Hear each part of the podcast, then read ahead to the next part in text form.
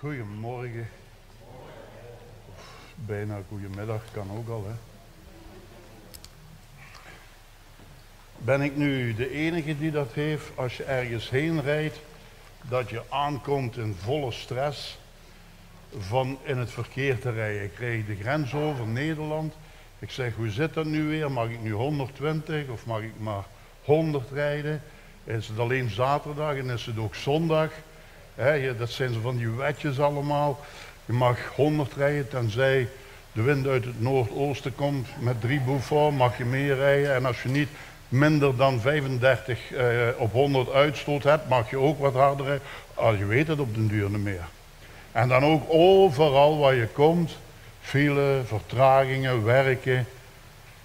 Je wordt er niet goed van. Ik zat een tijdje geleden zat ik in de gevangenis als predikant. zeg dat maar erbij.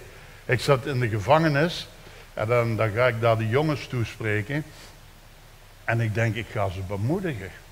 Ik zeg, jongens, maak u niet te druk. Je zit tegenwoordig vaster in het verkeer dan in de gevangenis. ja, maar dat viel niet zo goed in het goede aarde. Dus ik denk, ja, moet ik toch maar weer rechtzetten. Ik zeg, kom, laat ons een lied zingen van Johannes de Heer. Ik zie een deur wijd openstaan. Maar dat was ook, dat was ook weer niet goed. Maar oké, de jongens kennen mijn humor ook daar. En uiteindelijk bemerkte ik, er is iets fout. Mijn zienswijze is fout. Ik kom me zo verergeren. Ik heb het uh, door iemand laten afdrukken als je dat tegenkomt. Werken en uitvoering. Hier gebeurt niks. Die kegels staan hier al een half jaar. Ik zie hier zeven vrachtwagens en geen een aan werk. U kent het wel allemaal. Er verandert hier niks. En ik begon me daar zo op te ergeren. Dat God zei, je ziet het verkeerd, Berkje. Je moet dat bord rond uw nek hangen. Heb je hem? En toen dacht ik, ja, dat, dat is wat ik nodig heb. Ik ben een werk in uitvoering. Mensen die me langer kennen zullen nu zeggen, yes, yes, yes. maar ik ben een werk in uitvoering. Ik ben er nog niet. Het feit dat u leeft vandaag is een teken dat God nog altijd met u bezig is. Want als u geen werk meer in uitvoering bent, dan mag je toevoegen in de hemel. Dat is dubbel. Hè? Soms denk ik, ja, wordt wel tijd. En dan denk ik weer, laat me nog even een werk in uitvoering zijn. Je moet dat echt onthouden, dat dat werk, daar wil ik het vandaag ook een beetje over hebben. Werk in uitvoering, dat we dat rond onze nek hangen. Uh, een mooi voorbeeld daarvan was in, in uh, eh, 1943 Auschwitz. U zult het wel kennen, het concentratiekamp. Frans was een Jood die in het concentratiekamp zat. Echt gebeurd. En de, de Duitsers waren heel slim, die haalden mensen uit de Joden om kapo te zijn. En kapo was iemand die heerste over een barak en de, de baas daarvan werd. En verantwoordelijk, als je niet mooi uitgelijnd stond, dan moest hij gaan straffen. Hij kreeg daar een korte knuppel voor. En sommige kapels hebben hun medejoden echt doodgeknuppeld. Kun je je dat, dat voorstellen dat je in die tijd leeft? En als ik die link leg naar onze kerk, dan komt dat een beetje dichterbij. Maar Frans, Frans verstond de kunst om Jood te zijn en Jood te blijven in het concentratiekamp. Hij schreeuwde, hij brulde, hij zwierde met die knuppel, maar hij raakte niemand. Hij speelde het spel mee. En de mensen die onder hem waren, waren gelukkige mensen. En op een dag moest Frans met zijn ploeg marmelade gaan laaien. Dat was een tussenstation om de Duitsers te bevoorraden. Moest allemaal op de camion, maar die hadden niks te eten. En, en Frans zei, wacht, zegt hij, die SS'er komt altijd drie keren controleren. Die telt nog drie keer de lading na en dan mogen we beginnen. En inderdaad, kwam die weer af, de derde keer, en hij telde al die potten. En toen zei hij, nu mogen we direct beginnen. En wat deed Frans? Hij nam een pot marmelade en hij gooide die naar de vrouwen in een andere barak. En daar brak die pot open en die mensen met de vinger die hadden de dag van hun leven in het concentratiekamp. Maar wat hij niet verwacht had gebeurde. De SS'er kwam dit keer en telde een vierde keer. En Frans werd veroordeeld tot stokslagen, wat altijd tot de dood leidde. Maar omdat Frans al zoveel mensen had geholpen, en ook die kappels die daar waren, hadden ze hem wel goed doorgemapt, maar ze hadden hem niet doodgeslagen. En Frans verliet levend in 45 het concentratiekamp. En hij kreeg de bijnaam Frans Marmalade. En in Wenen was er een hotel, dat heeft heel lang gestaan. Ik heb het opgezocht toen ik dat verhaal las. Ik wou daarheen rijden, gewoon een, een ode aan Frans Marmelade. Maar het is nu door de tijd verdwenen. Het hotel Frans Marmelade is weg. Welke naam zou u krijgen van uw mensen? Welke naam zouden ze u geven? Stel, vandaag hadden we geen dienst, maar een begrafenisdienst. Hier staat de kist en jij ligt in de kist. Wat zou u willen dat ze over u gaan zeggen? Wat ze over u gaan zeggen bepaalt jezelf vandaag. Hoe je zijt, hoe je leeft. Al de dingen die je doet. Je bepaalt dat zelf, wat ze dan over u gaan zeggen. En als christen hebben wij dat ook zo een stukje. Voor ons is het ook een foute uh, zienswijze om maar te denken dat het werk en uitvoering altijd bij anderen ligt. Maar vooral dat het bij onszelf komt liggen. En weet je waar ik soms onder de indruk van ben? Dat is waarom, ik ben nu denk ik 2, 43 jaar christen, dat, dat is toch al heel wat. Ik ben aan het fossileren, ik weet dat, ik, ben, ik word een fossiel. Maar en dan denk ik soms, als ik zo'n overwinning haal op een bepaalde zonde, dan denk ik, waarom heeft dat 45 jaar geduurd? Waarom heeft dat 45 jaar geduurd eer ik toegaf dat ik daar fout in zat? Er was een man en die werd ziek, 50 jaar oud. Hij gaat naar de dokter, dokter ik heb het benauwd. Ik word heel duizelig en ik zie overal grijze vlekken. Wat is dat? De dokter zegt, ik weet het niet, maar ik ga je bloed trekken. En een week later krijgt die man telefoon van een dokter. Ik vrees, zegt hij, je hebt een zeldzame ziekte. Komt maar heel weinig voor. En het gevolg is dat je echt niet meer lang te leven hebt. Maak er nog wat moois van. Die man heeft zijn werk opgezegd. Die heeft een boot gepakt, een cruise gemaakt, een wereldreis gemaakt, eilanden bezocht. In de eilanden sightseeing met de taxi. Hij zegt, ik, ik leef tegen de sterren op. Rijdt met de taxi door een uh, ding en dan staat er Taylor on, op maat, zo kostuum op maat. Hij zegt, ja dat wil ik ook nog. En hij gaat binnen bij die kleermaker. Hij zegt, duurste kostuum, meet het maar aan. Die man meet lengte 56 van broek. 38 van jas of zo ergens iets. Vrouw is er thuis in. Die die maat van jas. En hij meet hem de hals en zegt 38. Hij zegt 42 uh, hemd. Nee, zegt die man, dat is niet 42. Oei, hij meet opnieuw. Wel meneer, je hebt 42. Nee, zegt die man, ik heb 38. Nee, ik heb 42. Nee, zegt die man, ik heb 38. Ik draag al jaren 38. Ja meneer, als je wilt maak ik u een hemd op 38. Maar als je 38 gaat dragen, dan gaat je benauwd krijgen. Je gaat verstikkingsverschijnselen, je gaat grijze vlekken zien.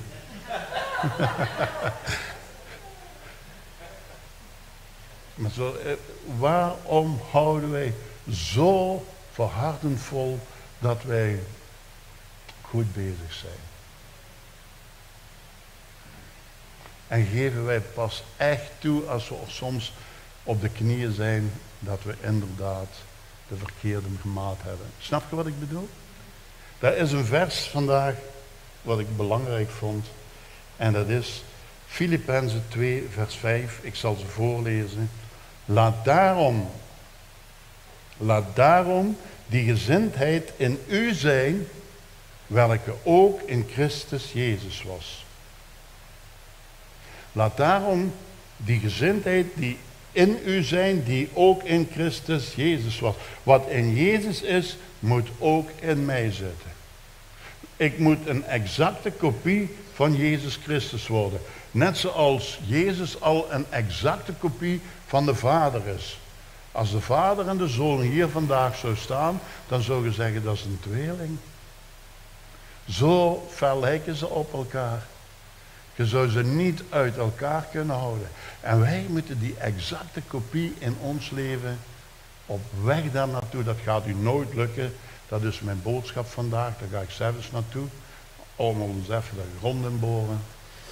Hier in Holland, maar je gaat dat nooit lukken. Maar daar moeten wij naar streven. Om zoveel mogelijk op Jezus te gelijken. Ik werd al een tijdje geleden gevraagd om een school te helpen in de grotten. Mijn zoon uh, heeft lang gewerkt in de grotten van Kam. Had dan een feestzaal, maar dan kun je ook een rondleiding krijgen. En dan kun je van alle dingetjes in Merrill zelf gaan maken. Zo. En toen vroeg ze, kunt je wat helpen? Maar we hebben te weinig gidsen. En er staan zo'n honderd kinderen voor je in een keer. Hè. Wat moeten wij gaan doen? Ik zeg wel, we gaan een leeuw, u kent het wel. Hè. Uh, we gaan een leeuw hier uit zo'n blok mergel kappen. Huh, al die kinderen. Dat is moeilijk. Ik zeg, nee, dat is niet moeilijk. En dat is ook niet moeilijk. Daar een leeuw uit halen. Je pakt een hamer en een bijtel en je kapt alles weg wat niet op een leeuw lijkt. En dan hou je de leeuw over. ja, moet dat gewoon zo doen. Is het moeilijk om op Jezus gaan te gelijken? Nee. Doe gewoon weg wat niet op Jezus lijkt. En je komt al een heel pak dichterbij. En je weet goed genoeg, want Gods stem wordt in uw hart gehoord. De nieuw-testamentische, nieuw-testamentische christen hoort de stem in zijn binnenste van God. En die vertelt u al waar je heen moet. ik ga een, een tekst uh, voorlezen uit 1 Petrus 3, vers 8. Een paar dingen die zo belangrijk zijn zodat we op die Jezus gaan gelijken. Eigenlijk zo'n beetje van wat moet ons karakter zijn hier op deze wereld? Waar moeten we naartoe? En dan staat er in die tekst, wees allen eensgezind. Leef met elkaar mee. Heb elkaar lief als broeders en zusters. Wees barmachtig en bereid de minste te zijn. Hier komen we ook al, als u nou de Statenvertaling heeft, dan gaat u zeggen dat heb ik niet. Ik heb niet bereid de minste te zijn, maar daar staat wees barmachtig en vriendelijk. Het is wel eigenlijk een beetje jammer dat sommige vertalingen zo wat afwijkend kunnen. Maar ze blijven allemaal even, even sterk. Als je ze gaat doen, dan heb je heel wat. Laat ons dan eens toepassen op ons eigen. Wees allen eensgezind. Daar gaan we, hè. Eigenlijk begint hij met tenslotte. Nou, dan denkt iedereen, het is al gedaan. ik begin pas. Ik heb 44 onderwerpen, dus dat gaat wel even duren. Maar 32 eh, zeg ik op twee minuten op, dus ligt er niet van wakker.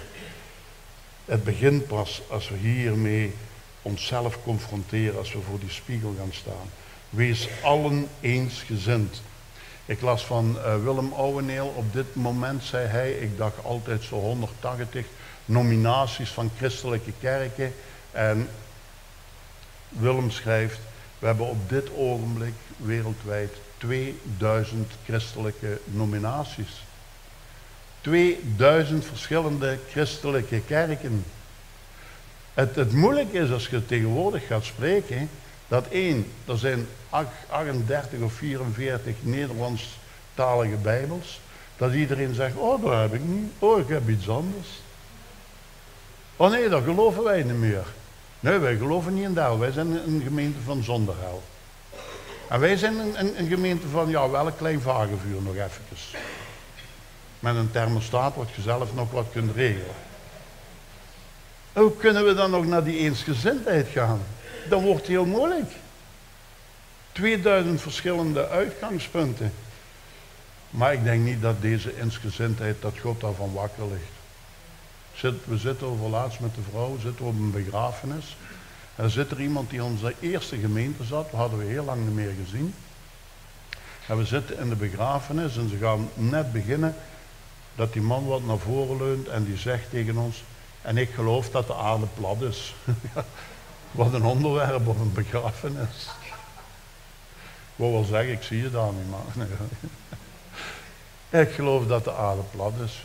Nou, Vroeger zou ik dan al meteen op de knieën gaan. Hè. Dan ga je met, de knieën op hem zitten. Ah, ik zeg u dat de aarde rond is en geef maar toe. Maar dat, dat heb ik afgeleerd. Dat heb ik afgeleerd. Ik weet niet of ik uh, een vies woord mag gebruiken, maar het wil niet zeggen, omdat honderdduizend strontvliegen stront lekker vinden, dat daarom ook de stront lekker is. Ik zeg het maar even plat, plat weg. Hè. Normaal denk ik, hoe, wat zegt hij nu voor een vies woordje? Maar even laten voelen.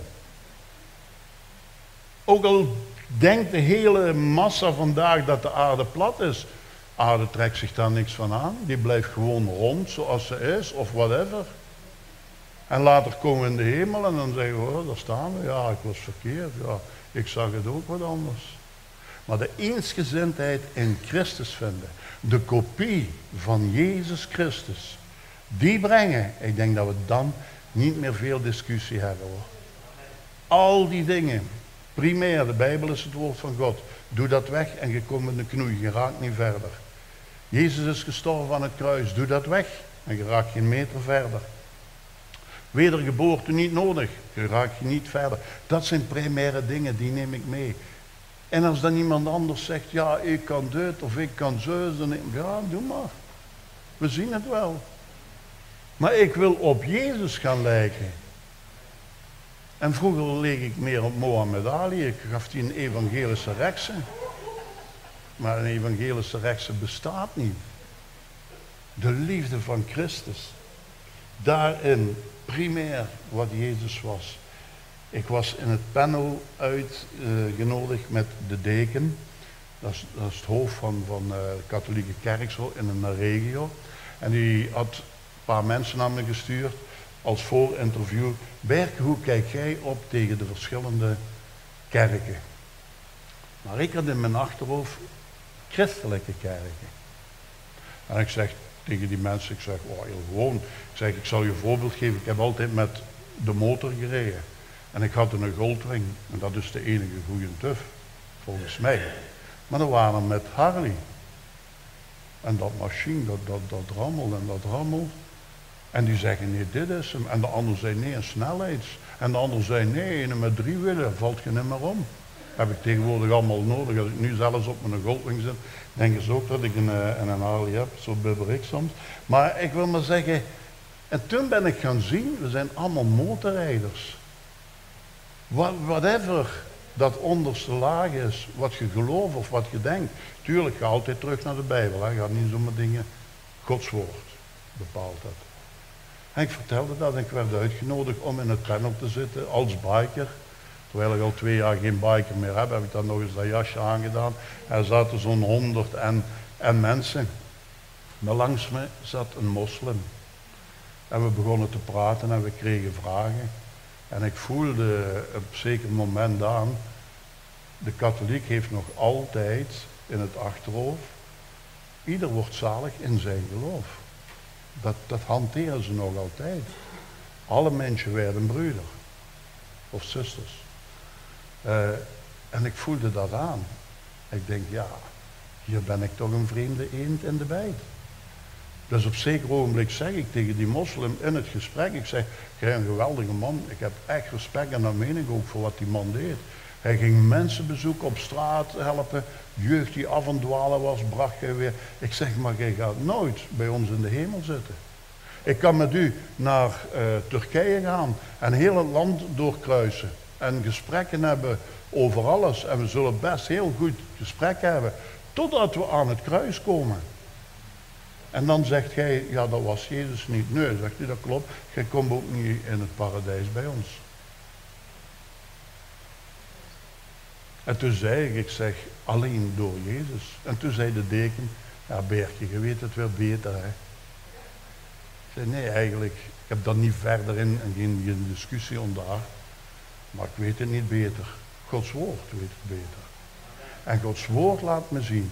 Wie gelooft, wordt behouden. Wie niet gelooft, is niet. Wie de zoon heeft, heeft het leven. Er was zo'n man die schilderde, ik vind het een prachtig verhaal. Die maakte die, dat was een verzamelaar van schilderijen. Het kaartspel, ik geloof op dit ogenblik 124 miljoen. Dan heb je Van Gogh met, met uh, hoe heet dat ding?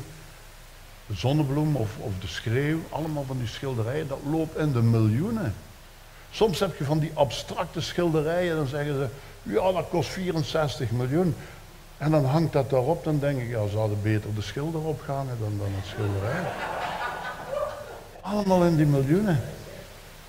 En er was een, die man die had zo een heel verzameling van miljoenen, miljoenen uh, geld aan schilderijen.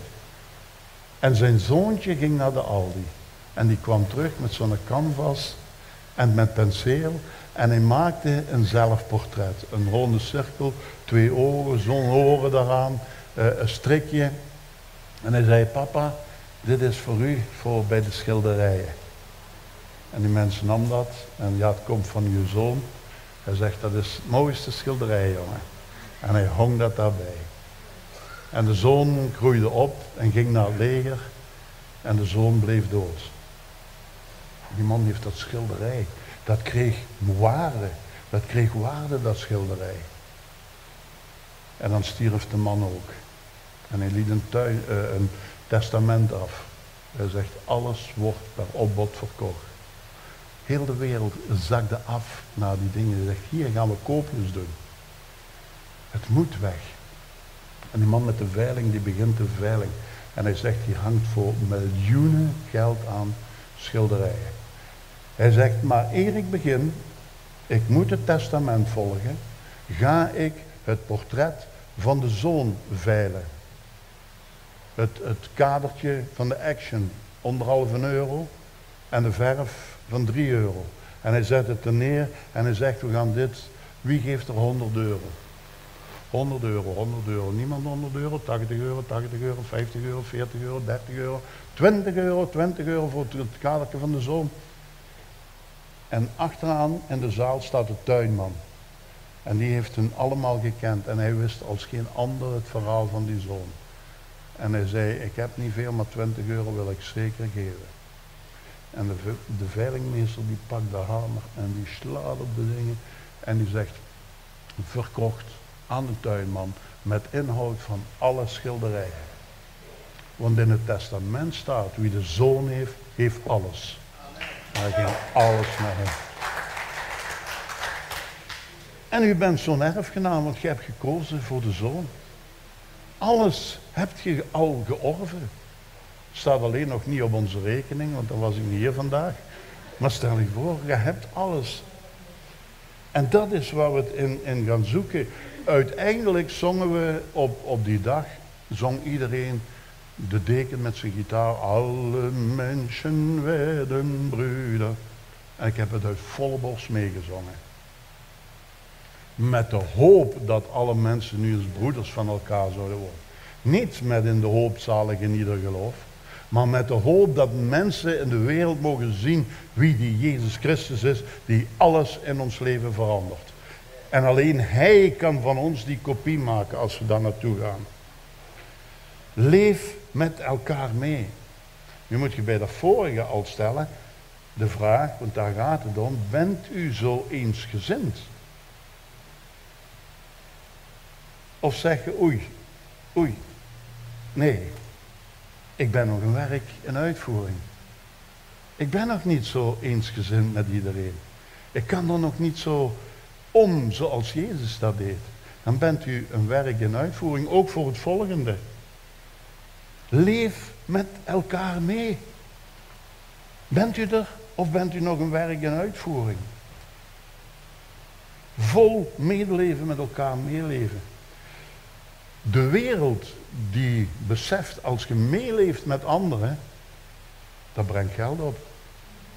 Dat brengt geld op. Politiekers weten dat. Als ik empathie betoon, dat brengt me stemmen op. Kennedy, Kennedy wist dat. Kennedy ging in 1963 naar Berlijn, omdat de Rus daar stond en een Amerikaan tegenover. En de Berlijnen werden uit elkaar gerukt. Families hier en de moeder daar, muur opgebouwd. En Kennedy wist met zijn team achter hem, ik moet hier medeleven betuigen. Als de mensen dat voelen, dan ben ik helemaal goed op weg. En weet je nog wat hij zei? Ik ben een Berliner. En tot de dag vandaag is dat een woord met kracht. Ronald Reagan heeft dat willen kopiëren toen hij president was. En hij sprak het volk, wou het volk toespreken, maar zijn team zei, doe dat niet wat Kennedy heeft gedaan. Want je zit in Hamburg. Ik ben een hamburger. dat zal op niks trekken. Maar leef met elkaar mee. Dat was maar een grapje dat laatste, hè? dat snap je wel. Is dat zo? Leven wij met elkaar mee? Ik zou zeggen, ik heb een test voor jullie. Hè? Heel vaak wordt er hier van voor bij de dienst gezegd, wilt je bidden voor Josephineke? Want die heeft het ontzettend moeilijk. Haar zoontje ligt op sterven. En, we zingen en we gaan naar beneden en we staan aan de koffiebar. En dan moet je dan eens vragen, wat, hoe heette die vrouw weer? Wat was ze weer? Wat was dat weer? Ik weet het niet meer, ik ben kwijt. Hier in onze kerk. Leef met elkaar mee, doen we niet.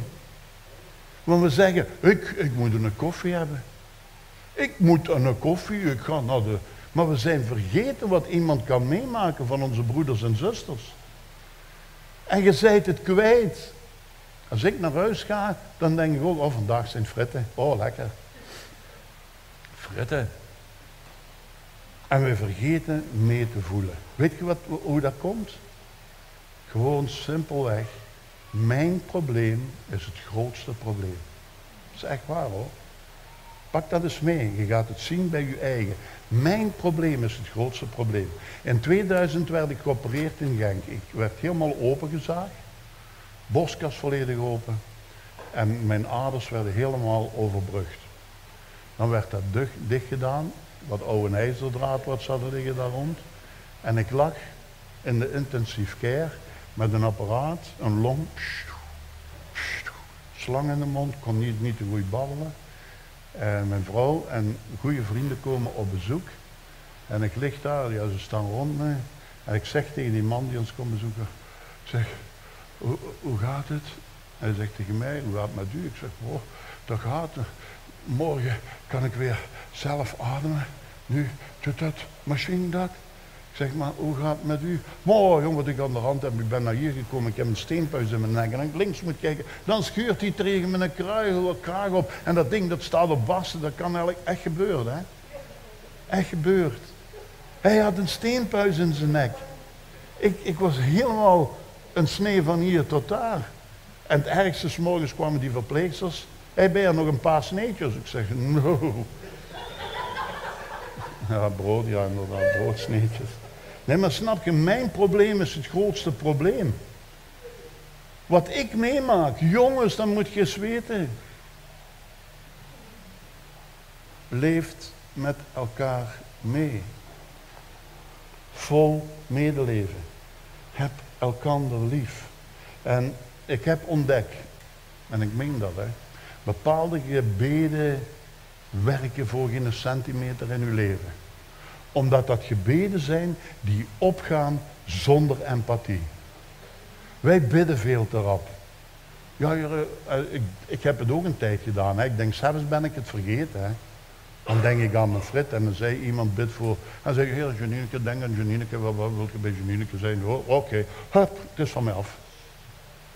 Dat, dat gebed komt nog niet tot aan het plafond. Dat valt zo terug af, boef. Daar zit geen waarde in.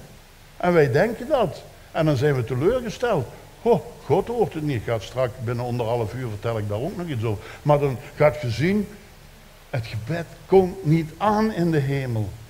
En waarom niet? Er zit geen empathie achter. Als je niet meeleeft met uw broeder, en dat gaat u iets kosten, hè, als je gaat meeleven. Het heeft Jezus ook wat gekost, hè. Wij ontsnappen daar niet aan. Als je geen empathie hebt voor wat je bidt, Stop er maar mee, want het gaat niet aan de hemel komen. Hoe meer empathie, hoe hoger dat het komt. Empathie is dat buikgevoel. Als je zegt, ja, wat heeft die nu aan de hand? Dan zeggen mensen, oh mijn maag draait om. Kent je dat? Toen ik dat hoorde, mijn maag draait om. Empathie is een buikgevoel. En je ziet dat ik veel empathie heb. Ja, ik heb echt heel veel empathie. Dat is al een beetje van de weg wel, maar ik heb heel veel empathie. Maar, maar snap je, het is zo goede koop om te zeggen, oh, Heer, wilt je met Josephine zijn? Wilt je met die zijn? Blablabla. En je gaat door. Het komt niet aan in de hemel. Heb elkander lief. Net zoals Jezus u heeft lief gehad. Weet je wat ik soms denk met zo warm weer? Stel dat ik nu naar de hemel ga. En ik kom in de hemel binnen. Dan staat daar zo'n hele grote Amerikaanse frigo. Wauw, en dan loop ik daar naartoe en hangt er een magneetje op met mijn foto. Op Gods koelkast hangt een magneetje met mijn foto. Je gaat dat zien als je in de hemel komt. Dan gaat je zeggen, wauw, mijn foto net zoals ik. God heeft ons zo lief dat hij bij wijze van spreken een magneetje op zijn frigo hangt met onze foto op. Zijn lievelingsplek. Hebt gij elkander lief? Hebben we lief, maar dan ook weer met de grootste liefde van ze alle drie. Kent u ook, maar ik herhaal het. Filio in Grieks, ik, uh, ik, zeg ook altijd, ik hou van mijn hond, ik hou van frit met mayonaise en ik hou ook van mijn vrouw. Dat is allemaal ik hou van. Dat is op één lijn zeggen we dat. Maar de Grieken zeggen, ik filio. Ik heb vriendschappelijke lief.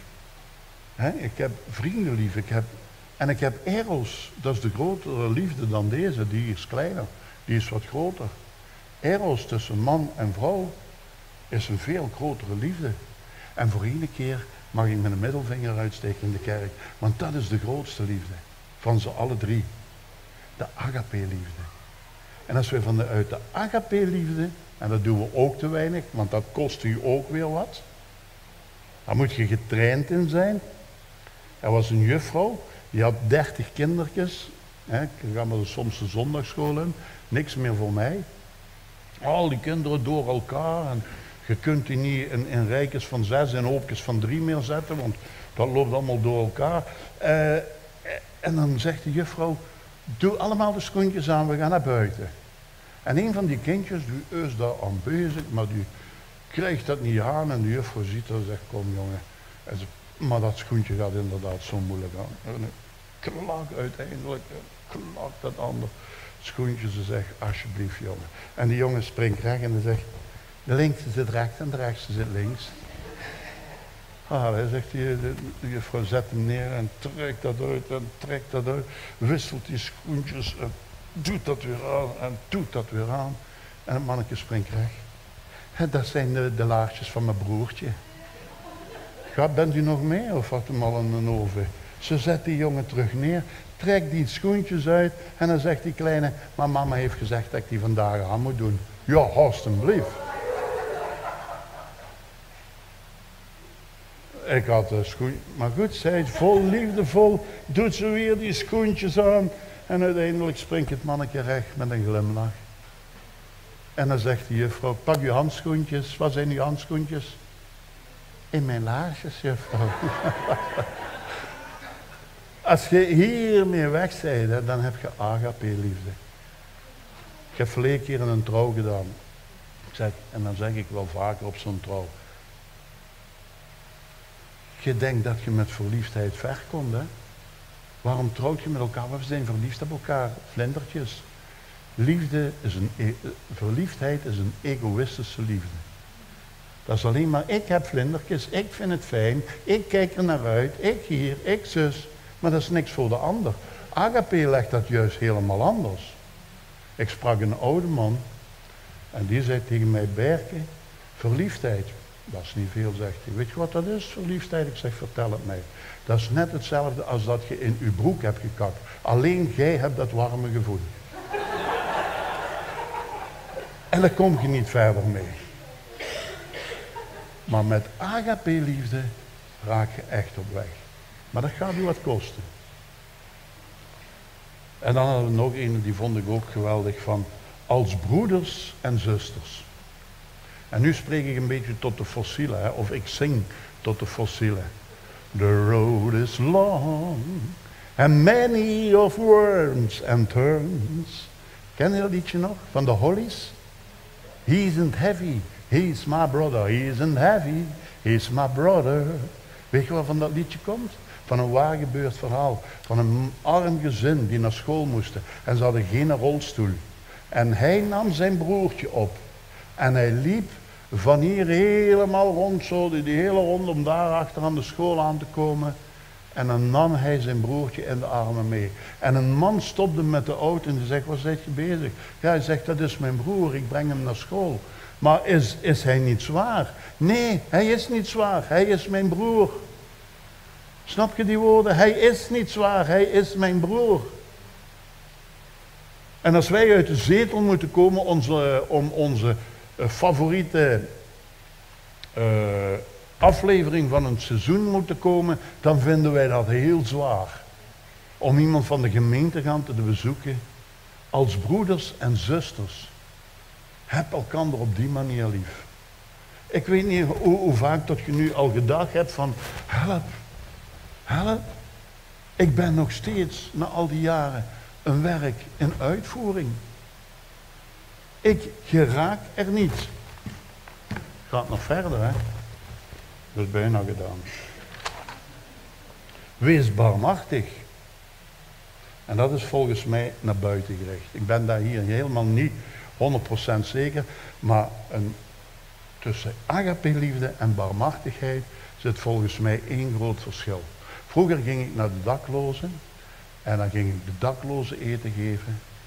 Maar Jezus zegt, wie een koud beker water aan de minste van mijn broeders geeft, dat waren mijn broeders niet. Er zaten moslims bij die Jezus verachten. Dan geef ik geen koud water voor Jezus aan Jezus. Maar als ik aan mijn broeders en zusters doe, dan doe ik dat wel. Barmhartigheid daaraan tegenover, die gaat naar buiten. Medevoelen naar die mensen. Om uiteindelijk ze terug te brengen naar Christus. Dat doet barmhartigheid. Zijn we barmhartigheid? Zijn we bereid om de mensen te zijn? Daar heb ik moeilijk mee. Ik wil altijd van voor staan. Nu sta ik van voor. Maar ik bedoel, ben ik bereid om de mensen te zijn? Ik ben er dan leren, soms denk ik zwijgen, niks zeggen. Doe het maar. Er was een kind en dat speelde, of dat mocht in de school, de hoofdrol spelen. Hij mocht de koning zijn. Maar die rol was echt niet op dat kindje geschreven. Maar ja, hoe gaat je dat nu zeggen tegen zo iemand? Je mag niet de hoofdrol spelen. En de mama was al heel bezorgd. En de juffrouw had met het kind gesproken. En het jongetje komt thuis. Met de wetenschap, ik ga de hoofdrol niet spelen. En zijn mama, ja, die was in alle staat en zegt van... En jongen, hoe was het op school? Ja mama, vandaag heb ik besloten om niet koning te zijn en ik heb besloten om te klappen als de koning binnenkomt. Ik mag klappen. Ik heb besloten om te klappen. Zie je? Ik heb besloten. Daar ligt alles in. Ik heb besloten om de mensen te zijn. Ik heb besloten om liefde te betonen. Ik heb besloten om barmhartigheid te worden. En dan is de rest allemaal weg. Goh, dat is een hele opsomming. Hè? Zeven Zeven stukken. En dan gaan we zeggen, ja het is een volmaakt getal. Zeven keer. Zeven items die u tot het hoogste level van een volgeling maken. Een hoogte die je alleen kunt bereiken als je deze dingen ook daadwerkelijk doet in je leven. Als je zegt, ik heb ze overwonnen, ik ben ermee bezig. Er staan nog een paar dingen voor, want hij zei tenslotte. Dus dat wil zeggen dat hij ervoor nog enkele dingen... Ik lees nog een paar voor. Je moet onderdanig kunnen zijn. In het hoofdstuk tussen de bruid, de man en de vrouw. Je moet onderdanig kunnen zijn. Hij zegt in een ander vers, iets ervoor, uh, 1 Petrus 3, 1 tot 8, dan zegt hij, door uw wandel andere mensen overtuigen, niet door uw woorden. Ik heb vaak zoveel verteld en dat kwam niet aan. Maar wat ik deed, daar gingen mensen door veranderen. En let er eens op, wat je doet, dat kopieert je en mensen gaan dat kopiëren. En dan kunt je spreken, maar niet andersom. Door uw wandel. Uw reine en godsvrezige wandel. Kijk, ik geloof niet in de wet. Ik geloof niet dat de wet iets brengt. Ik ga dat ook nog even zeggen. Maar wel uw reine, godsvrezende wandel. Henk Binnendijk vertelt dat zo mooi. Mijn dochter ging trouwen en ze had een sneeuwwitte jurk aan. En dat is mooi als je bruiloften doet. Hè. Ik zie dat zo vaak. Hè. Die dames die stralen. Hè. Met die witte, dat is wauw, dat is een verschijning. Ja, die mannen die zitten meestal zo erbij. Oh, strakke feestje, heel fijn. Hè. Frituurwagen. Maar die vrouw is één brok emotie. Vrouwen die huilen ook vaak voor het huwelijk. Van emotie. De man doet dat erna, dat weten we ook. Maar de vrouw die huilt van emoties voor het huwelijk, die zit daar zo gespannen in die witte jurk. En dan zegt hij, en dan komt mijn schoon, schoonzoon binnen. En oh, met zijn tas koffie en paf, een vlek op dat kleed. Wat denk je dat daar gebeurt? Zijt je ook zo verwonderd als je iets doet wat niet kan en waar je Jezus mee kwetst? Zeg je dan ook, oh wat erg. Dit is een godsvrezende wandel. Ik heb een heel wit kostuum aan. En ik zal er alles voor doen om dat zo. En als er een zwakke vlek op komt, een zwarte, dan ben ik ondersteboven. Als dat onze houding is, dan is het heel mooi. Uw reine en godsvrezende wandel. Dat bedoelt hiermee. Niet van ik ga al die wetjes vervullen. Nee, nee. Alles wat ik heb gekregen, dat wit kostuum, wil ik zo zuiver mogelijk houden. En dan zegt hij, en dat is dan weer voor de dames, u, mannen ook al, hè, uw sieraad zijn niet uitwendig. Uw sieraad, dat opmaken. Uh, heeft verschillende zussen. En met één versta ik me heel goed. Ja, hallo. Uh, het, is, het een beetje met een tegenpool. En overlaatst kwam ze heel trots binnen. Ik zeg, oh, je ziet er redelijk goed uit, hè? Ja, ik heb drie uren bij de schoonheidsspecialist gezeten. Ik zeg, drie uren, alleen voor een offerte. mooi. Dat is lang. Maar vrouwen doen dat graag. Vrouwen die, die zetten zich heel graag op en dat mag ook. Want dat is ook iets wat uh, Henk Binnendijk ook zei. Soms stop met een bus, stopt er een bus met christelijke vrouwen, die komen eruit. En die zien er niet uit. Dus zet je gewoon op. Hè. Maar het zijn niet uitwendig, het zijn niet u. Snap je wat ik bedoel? Zachtmoedig en stille geest hebben. Goed doen en niet bang laten maken. Deze vind ik ook heel goed. En leef verstandig met uw vrouw als brozer vaatwerk. Maar dat is niet alleen met uw vrouw, dat is met iedereen als brozer vaatwerk, maar zeker man-vrouw verschil. Iemand heeft dat ooit uitgelegd. Brozer vaatwerk is als een champagneglaasje. Heel dun glas, heel sierlijk, heel mooi voetje. En als je dat afdroogt, dan moet je dat heel voorzichtig met een doekje afdrogen. Zo moet je omgaan met, als met broze vaatwerk met je vrouw. En wat doen mannen? Pakken een handdoek, steken een poot daarin en klak, zegt dat glaasje en alle kapot. Ze zegt, nee mannen, als brozer vaatwerk.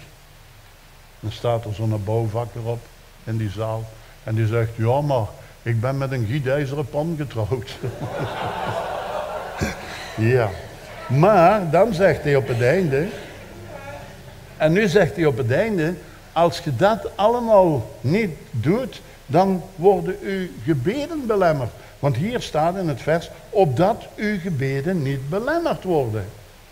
Het gaat hier dus om, in tegenstelling wat je altijd geleerd hebt, ontdek ik toch een bepaald principe dat wij onszelf ook een beetje moeten redden. Ik ga het uitleggen. Henk Binnendijk, weer zo'n voorbeeld, mooi, steunde daarin. Hij zegt, die mijnwerkers die zaten vast in Chili, heel diep onder de grond. Zes weken of zoiets. De redding kwam van boven, hè? niet van hun.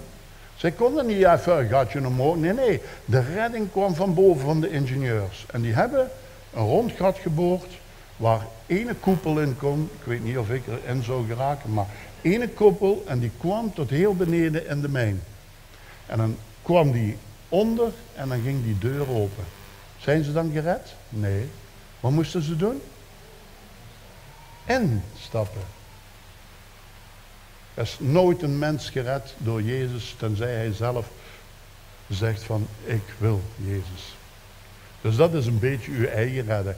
Gewoon zeggen, ja, ik stap en ik doe het. En hier net hetzelfde. Hier is het principe van, wil ik die dingen doen? Dan zeg je, ik ga die dingen doen. Maar ik heb goed nieuws. Het gaat u niet lukken. Het gaat u niet lukken. En als dat al zou gebeuren, als je al tot bloeden toe zou strijden, zou je nog falen. Want er is nog nooit, nog nooit één mens gered door de wet. Er is nog nooit één mens gerechtvaardigd door de wet. Buiten Jezus om, hè. Jezus heeft het allemaal vervuld. Dus hoe hard dat ook strijdt, als je vecht met de kolenboer, wordt je zwart. En gaat je met de wet bezig zijn, misluk alleen maar. Maar met de liefde van God in Jezus wordt dat heel anders. Dan gaat je, als je probeert de wet te houden, dat is net hetzelfde als dat je een kannibaal gaat leren eten met mes en vork. Het is en blijft een kannibaal die mensen eet. Je hebt ook vegetariërs en kannibalen tegenwoordig, die eten de groenteman op, maar het blijft een kannibaal. Hè? Je komt er niet verder mee. Je moet je overgeven aan die liefde van Jezus. Heel even nog, als een dingen te door. Ga een keer in Matthäus 5 tot 8 lezen. En dan gaat je, dat is het karakter wat Jezus dan neerzet van een christen. Dan moet je worden, ik som het op, wees arm van geest, zalig die treuren, treurt je? Zachtmoedig zijn, hongeren en dorsten naar de gerechtigheid, barmachtig zijn, rein van hart zijn, vredestichter zijn. Verblijdt, men, verblijdt u als men over u liegt. Gij zijt het zout der aarde, zijt het zout. Gij zijt het licht, zijt het licht. Uw gerechtigheid zij overvloedig, is dat zo? Je mag niet dommerig tegen uw broer zeggen, niet in toren leven, vriendelijk tegen uw tegenpartij. Een vriendelijke soldaat, hij schoot slechts in een lach als hij de vijand zag. Niet echt breken, niet kijken met verlangen, hak uw hand af als ze tot zonde verleidt. U eet niet breten, toon de andere wang, geef uw jas en uw hemd als ze dat willen, heb uw vijanden lief. Gerechtigheid doen voor de mensen, almoes niet laten weten aan uw andere hand, van de linker naar de rechterhand.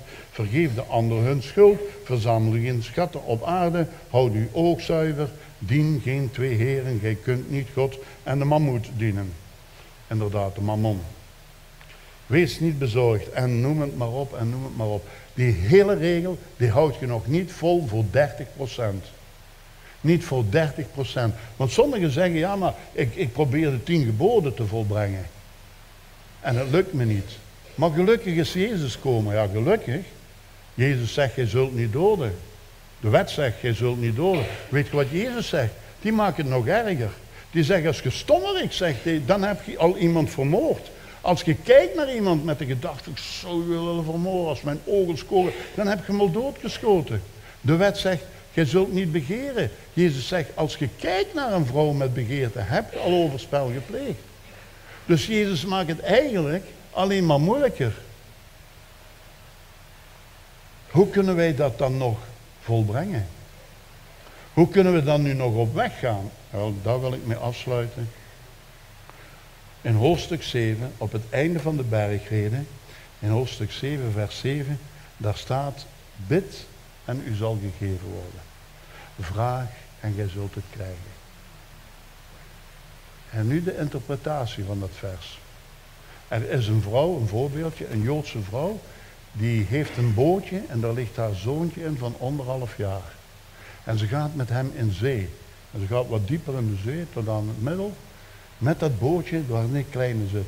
En plots komt er een golf. En waf, die kiepert dat bootje ondersteboven. En de zoon is weg. Maar die vrouw haar reactie is zegt, oh God, mijn zoontje. En ze staat nog zo, terwijl een andere golf komt. Boem, dat zoontje terug in haar armen. En dan kijkt ze naar haar zoontje. En dan zegt ze, God, ik wil niet vervelend doen. Maar voor de eerste golf had hij nog een heel nieuw kapje op. Zie Ja, dat, klinkt vreselijk, maar dat is een beetje hoe wij bidden. Hè? Oh, hier krijg je een ijsje. Het is zo, zo druk en zo warm hier. Uh, ik krijg een dikke friet met mayonaise, want ik heb zo nog. Ik krijg ook een nieuwe auto hier, want ik heb nog geen, uh, hoe noemt het, een uh, elektrische, een hybride. Want ik, rij, ik heb nog altijd een analoge. Armen, ik toch, heer, ik wil een flatscreen van vierkant, een gezond lichaam. Oh, hier krijg ik twee nieuwe jonge benen, zodat ik weer kan rijden. Heer, wilt je me een goede beursnotitie geven? Die heb ik echt volgend jaar nodig. Heer, geef een opwekking aan mijn belegging bitcoins en schenk mij een lichaam vrij van ziekte en noem maar op en noem maar op.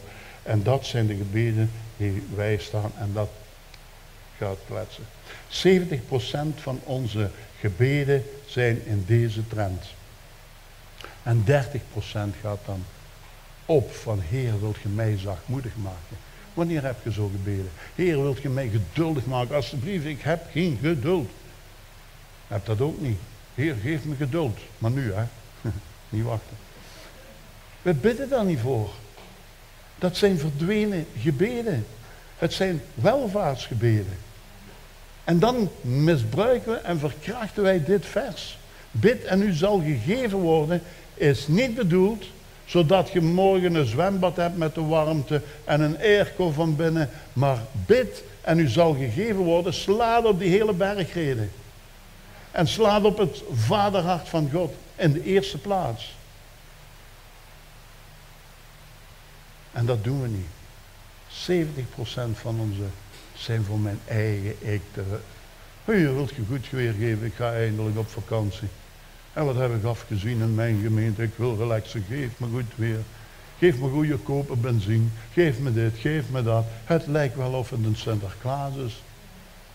Maar bidden, ik wil op u gaan lijken.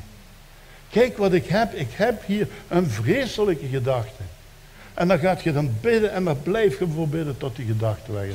Dan zijt je helemaal goed bezig. Maar dat doen wij niet. Ik sla een beetje over, het is warm. En tenslotte, en dan zeg ik, als je dat nu allemaal gedaan hebt, wel dan mogen je gebeden gaan verlengen. Als je dit doet en je begint echt op Jezus te leggen en je gebeden worden niet meer belemmerd, dan mogen je ook voor andere dingen gaan bidden. Want dan is het onbeperkt. Want dan bid je zoals Jezus zou bidden. En dan gaat je niet bidden, ik wil een mooie auto, ik wil... dan gaan er andere gebeden komen. En die zijn dan onbeperkt. Weet je wat zo mooi en zo krachtig is? Ik wil daarmee afsluiten. Hè? Met Efeze 6, vers 11. Voorts. Alleen nu, voortaan mensen. Wees krachtig in de Heer. Dat ligt bij mij. Dit is mijn stap. Ik wil krachtig zijn in de wandel met God. En ik wil bidden voor alles waar ik nog een werk in uitvoering ben. En zodat ik op Jezus ga lijken. Maar dan staat er nog een vers bij. En in de sterkte zijner macht. En dat is van hem. En dat is veel meer. De Heilige Geest is als een elektrische fiets. Want wat doet uw fiets als je daarop gaat zitten en je doet dan het handvat? Die, die, die doet niks in een elektrische fiets. Maar als je erop zit en je draait drie, vier keren, dan zegt hij, oh, hier is een draaien. Stroom. En woef, dan ben ik vertrokken. En tegenwoordig kom ik weer een berg op. Dankzij die batterij. Maar die batterij doet niks als jij niet fietst. De Heilige Geest doet niks in uw leven als jij niet begint te bewegen. Net hetzelfde principe. Als de Heilige Geest ziet, nou, Berke fietst de frituur voorbij. Ik ga hem nu kracht geven. Als ik dat niet heb, dan ruik ik een frituur die open gaat op 7 kilometer afstand. Ik hoor de frieten schreeuwen, eet mij, eet mij, eet mij. En ik zit binnen, ik zeg, geef me twee grote met zes frikadellen. Maar als ik begin met zelf, dan komt Gods kracht. Ook zo met onze zondig leven. Eigenlijk, laatste verhaal, echt waar. En dan stop ik. Stel u voor, ik rij in mijn goede tijd 145 kilo, is nu een 10 kilo af, haha, gelukkig. Maar ik rij op mijn Goldwing door Maasmechelen. De Goldwing veegt 400 kilo, plus mijn, dat is een halve ton nog op weg. Een half ton. En langs de kant staat een agente, 1,60 meter hoog, 50 kilo. En die vraagt niet aan mij, hé hey Berke, eh, met die heel gewicht, zou je eens even aan de kantje willen gaan staan en pootje uitdoen en eens even met, met, naar mij luisteren? Nee, dat doet hij niet. Die heeft een slechte nacht gehad. U zegt, opzij. Wat opzij? 50 kilo, ik pakt u pof in de gracht. 50 kilo. Je komt met mijn half ton aan. Maar weet je wat dan zou gebeuren als ik dat zou doen? Want ze heeft iets gezegd, hè.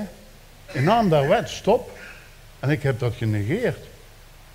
Die ligt in de gracht, die pakt daar een walkie-talkie en die zegt, hé collega's. En al die collega's die rukken uit. Die gaan op zoek naar mij. Die komen zoeken en als ze mij niet vinden, dan komen alle zwaantjes. Weet wat een zwaantje is? Dat is zo'n bereide politie op de motor, dat noemen ze in België een zwaantje. Een motoragent.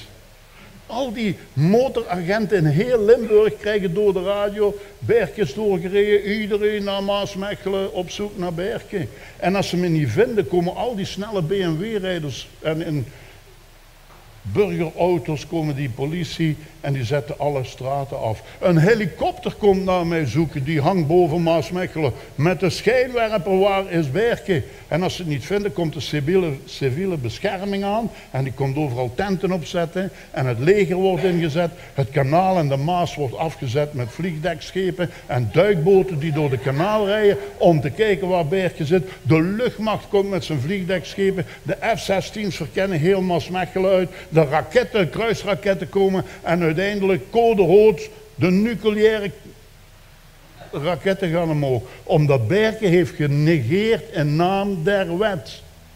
Ik heb niks met dat meisje, maar dat meisje spreekt in naam der wet. En dan krijg je deze hele dingen op, op. Het is bijna zo gebeurd hè, met die ene soldaat, als je dat volgt. Hè. Wat werd er allemaal ingezet? Hij negeerde de naam van de wet.